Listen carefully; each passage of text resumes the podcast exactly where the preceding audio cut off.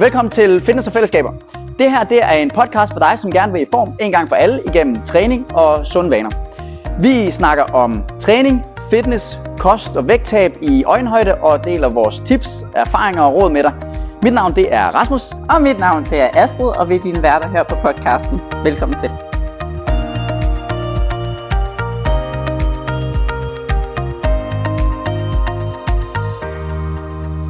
Velkommen til. I dag der har jeg Niklas siddende i stolen. Velkommen til, Niklas.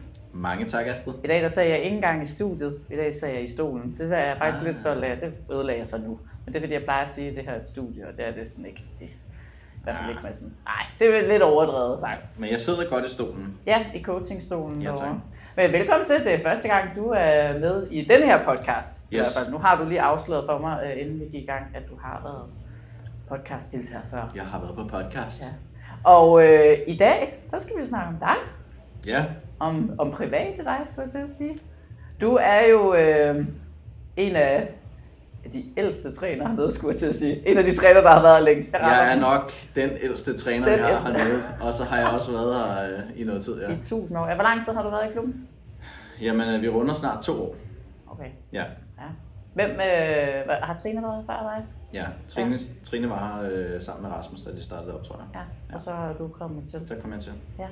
Men altså, som sagt, i dag skal vi jo snakke om dig, og hvad øh, du øh, laver inden for træning og så videre. Så kunne du måske ikke øh, starte med bare at introducere dig selv. Hvem er du? Hvem er jeg? Jamen, øh, jeg hedder Niklas. og øh, jeg fylder sgu snart 35 år. Ja, og øh, så nu bor jeg på Frederiksberg. Ja. med min kæreste og min søn, der fylder to. Og øh, vi har lige købt hus i Ja. ja. Gævninge, langt væk herfra. Så du er også den mest voksne af os alle Så jeg er også ved at være lidt voksen. Det er også lidt mærkeligt at sige, at man har købt hus. Og, ja. Men øh, ja, så jeg skal væk fra Frederiksberg og øh, hjem til der, hvor jeg faktisk kommer fra, i omegnen der. Så det er sådan også lidt, der sker mange ting på privaten. Ja. Ja. Så er det noget med, at du også lige har afleveret. Så er det noget med, at jeg lige har afleveret mit speciale, ja. Det gjorde jeg i forgårs. Ja. Tillykke Ja. med det. Tak. Ja, Hvad har du lavet specielt om? jamen øh, jeg har læst sundhedsfremme og psykologi på RUK, hvor størstedelen af mine projekter har været, øh, jeg skrev et enkelt omkring vægtneutral sundhed, og så har jeg skrevet om identitetens rolle øh, for personer med spiseforstyrrelser i deres recovery-proces. Så har jeg skrevet et projekt om sådan, øh, hvad hedder det, sundhedsfaglige uddannelser og dem, der går derpå, øh, og deres øh, hvad kan man sige, forhold til mad, krop og vægt, hvordan det ligesom blev fastholdt eller forværret under en sundhedsfaglig uddannelse. Og så nu skriver jeg speciale, også inden for spiseforstyrrelsesområdet, men ligesom hvad sociale relationer og selvmedfølelse, selvmedfølelse mm. kan gøre for, øh, for mennesker med en spiseforstyrrelse i deres recovery-proces. Spændende. Ja, så det er det, jeg har dykket ret meget ned i det seneste halvandet til to år. Ja, det er meget simpelt. Ej, det er, det er mega spændende for mig, men øh, jeg må også indrømme, at mit hoved der er en lille smule ballet efter alt det studie her, så Ja. Ja. Ja, jeg har lovet øh, Niklas i dag, at det bliver sådan en, øh, en let samtale. så fordi vi vil jo også rigtig gerne snakke om noget af det, som du faktisk øh, har også har skrevet øh, specielt om, men også bare øh, nogle af de ting, at du render rundt og arbejder med. Men det bliver ikke i den her episode. Det venter vi. Ja, tak. det bliver, når du lige har fået lidt frisk luft og lidt fri og sådan noget, så kan vi tage øh, sådan en, en lidt dybere faglig snak om det. Helt sikkert. Hvad, øh, hvordan er du egentlig kommet i gang med at træne? Åh oh, ja, jamen øh, jeg startede, hvad var jeg? Jeg var 21, Ja. og øh, jeg havde i nogle år haft øh, været syg faktisk med noget, mm, ja man ved det ikke helt, men jeg havde noget opkast, noget mave, gener og sådan noget faktisk i et par år. Øh, så jeg havde nogle lidt mærkelige år fra jeg var 18-19 til jeg var 21, og så begyndte det ligesom at lægge sig en lille smule, og jeg havde tidligere været ret aktiv, øh, spillet fodbold og badminton, som jeg var rigtig glad for, og egentlig også interesseret mig for styrketræning. Mm. Øh, og sådan helt klassisk synes Arnold og dengang Sylvester Stallone egentlig også var ret seje gutter, og havde sådan leget lidt med styrketræning også derhjemme fra jeg var 13-14 år gammel, men havde ligesom ikke rigtig taget det videre.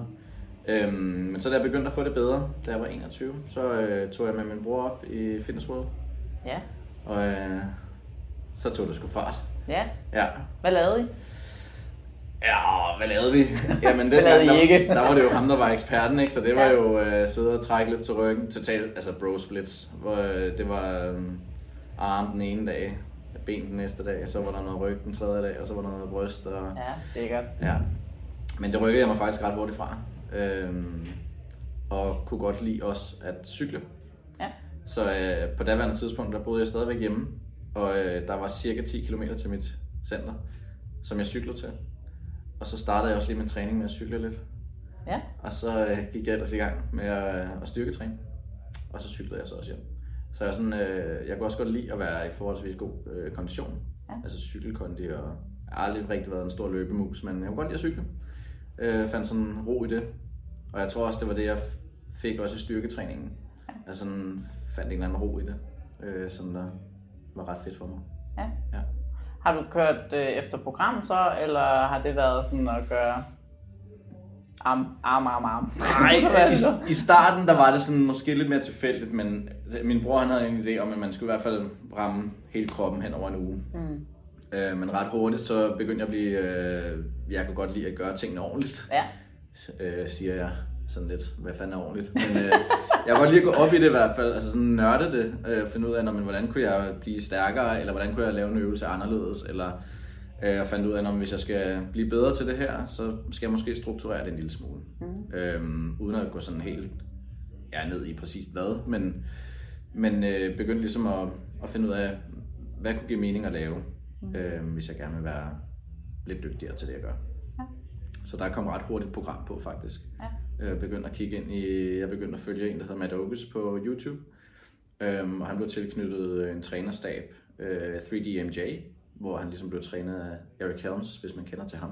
Du name-dropper den nu, jeg er vild med det. Ja, men øh, han, er, han, er ret, han er ret dygtig inden for øh, styrketræning og sådan naturlig bodybuilding og alt sådan noget. Det var jeg lidt fascineret af. Ikke fordi jeg selv ville stille op, men øh, der var ligesom noget nørderi her, der, Mm. der jeg synes, der var spændende. Og øh, så fulgte jeg det rimelig meget, og ja, sådan træningsprincipper derfra. Øh, også fordi, at det var en ret fleksibel måde at gå til sin træning på, hvilket jeg synes var spændende. Øh, og det ikke skulle være sådan øh, kylling, broccoli, ris, og så skal du træne på den her bestemte måde, men du kan egentlig spise, hvad du vil. Dengang der var det sådan, følge mine makroer, det er jeg gået Ja. fuldstændig væk fra. Men det gav alligevel på daværende tidspunkt sådan lidt mere, en lidt mere befriende tilgang til træning, Ja. øh, end hvad jeg tidligere havde fået opfattelsen af, at det skulle være. Fordi at, så havde jeg en idé om, at når man, så skal man spise hver tredje time, og det skal være x mængde kylling og x mængde ris, og lige når jeg har haft min træning, så skal jeg også have proteiner, og så skal jeg også lige, have noget med dadler, de er også gode, fordi der er noget sukker der, der hjælper til optagelse, og, altså det var sådan, det gik jeg ret hurtigt væk fra, fordi jeg synes, det var for åndssvagt, det gav ikke nogen mening for mig. Øhm, og så var det det, det var super tiltagende det andet, ikke? Ja. Men jeg tænker også, det er sådan noget, vi andre nok måske godt kan genkende til, at man, man får simpelthen så meget information, altså med ting, der kunne være godt for træning, og de der vinduer, man har, skal du spise protein 30 minutter efter træning, for ellers så er det helt tabt og sådan noget, ikke? Ja. Og man gør det jo, fordi man gerne vil have resultater, ikke? Ja. Altså, Jeg, og jeg synes, det der, det der med vinduet, det, er sådan, det gav ikke nogen mening for mig. Og jeg kan huske, dengang jeg var på PT-uddannelsen, det var tilbage i 13, der fik vi faktisk også lidt at vide om det, at sådan, øh, kroppen den optager rigtig godt lige efter. Og så spurgte jeg sådan, men kunne man ikke forestille sig, at kroppen den også har rigtig meget lyst til at optage mad, selvom der er gået tid? Altså sådan må, må den jo være endnu mere sulten efter noget, Ja. var min logiske sans, ikke? hvor han sagde sådan, jamen det kan der da godt være noget om, det, men det ved jeg ikke lige helt. Og, altså sådan, det gav bare ikke nogen mening for mig, at man skulle tænke sig altså, så fastlåst i, at jeg skal have min mad lige efter træning. nej, Nej, altså, det gider jeg ikke. nej, og, altså, det, det er også super besværligt, så skal man have det med ned. Mega altså, besværligt. Altså, og jeg tror sgu også, der er mange, der slet ikke er sultne lige efter træning. Er det ikke det første, man drømmer om at kværne en kakao og en banan, eller hvad man nu Nej. skal øh, spise? Øh, altså, Det kan Det- noget. men det kan også Nogle af os vil rigtig gerne gøre det, men øh, det er jo det med sådan, det, det, det gør bare nogle ting lidt mere restriktivt og Ja. besværligt, ikke? Altså, Totalt. Ja. Ja. Og tænk, også det der med, altså alt tabt, hvis jeg ikke gør det, så kunne Ja. jeg så godt lade være. Altså, det tager da også alt livsglæde fra ens træning. Ja, Altså. ja, så det mistede ret hurtigt fokus fra Ja. altså sådan at hen til noget mere ja, fleksibelt. Ikke? Ja. Mm. Og øh, hvad så derefter? Så er du blevet træner. Øh, Hvordan kom det ind i billedet? Øh, jamen jeg tror, at jeg synes, øh, fordi at jeg selv faldt så meget glæde i træning, og altså i virkeligheden ro. Altså det var sådan et frirum, og det tror jeg, der er, dem der træner kan ikke genkende til, at der har man ligesom sit eget space. Øhm, tænkte sådan, men altså, hvis jeg kan videregive det til andre, så kunne, ville jeg synes, det var totalt optur. Mm. Og hvis det ikke, øh, hvad jeg egentlig ellers skulle. Altså sådan, jeg kan ikke bare rende rundt og klø mig selv i røven, så jeg skal jo lave et eller andet. Ja. Og så tænker jeg sådan, jeg tror faktisk, jeg kan noget inden for det her. Og øh, ja, det fik jeg også indtryk af, at jeg kunne, da jeg ligesom var på PT-uddannelsen af mine medstuderende eller medkursister. Synes, at øh, jeg var ret fin at snakke med omkring træning, og så jeg tænker jeg, så tror jeg, jeg skal det her. Mm. Øhm, og så startede jeg i daværende Fitness.dk. Og det var øh, ikke godt til mig. Fordi det var sådan noget samlebåndsfitness, eller hvad man skal kalde det. Altså det var virkelig bare, jeg står der for at tjene penge til Fitness.dk. Og øh, jeg var overladt totalt til mig selv. Og det tændte jeg slet ikke på. Altså, ja, der var ikke noget meningsfuldt i det for mig. Så det droppede jeg ret hurtigt. Og så lavede jeg noget helt andet. Men stadigvæk havde noget øh, træning på siden til venner og bekendte og sådan lidt ikke løst. Og så startede jeg selvstændigt i, har det været, det var før corona, 18 eller 19. Og i Ringsted, i Fitness Lab, nede hos Abdel. Åh, det er også et fedt sted. Møg fedt. Ja. Hvis man er omkring Ringsted, så skal man tage til Fitness Lab. Ja, det er vanvittigt. Det er et fedt center. Ja, så der var jeg, øh, mens jeg boede herinde i Frederiksberg. Så det var også det var lidt omstændigt øh, at tage frem og tilbage og få det til at fungere. Og så kom corona og lukkede hele lortet ned. Ja. Og øh, ja, så startede jeg her. så endte du her. Ja. Ja. Hvad træner du så nu? Hvad jeg selv træner? Ja. Jeg træner ikke så meget mere. Nej. Øh, jeg træner øh, alt imellem 0 til 3 gange om ugen. Ja. Jeg træner primært de dage, hvor jeg selv er på gulvet, altså har klienter, og forpasser den. Og så træner jeg, jeg kan godt lide dødløft, Ja. Så den er gerne på programmet. Så, så jeg har en, cirka en underkropsbevægelse, måske to. Og så har jeg en trækøvelse og en presøvelse. Og så, øh, så gøjler jeg lidt, hvis jeg har overskud til det. Men det er Ligesom... Så vil jeg blære dig med at lave double unders, når jeg fortæller, at jeg ikke kan finde Ja, altså, du ved, Ja. double under, sissy squats, Jefferson curls, alle de gode bevægelser. Øhm, men jeg tror, det har været vigtigt for mig, mens jeg har været på det her studie, at min træning den skulle være let at gå til. Så jeg har ligesom sat barn lavt for mig, og gjort det som, og det synes jeg egentlig bare, man generelt skal, gøre sin træning sjov og nydelsesfuld. Og det har det været for mig at have dødløft på programmet fast, og så har en træk- og presøvelse, og så se, hvad der ellers er energi til på dagen. Mm. Og øh, det skulle være meget godt.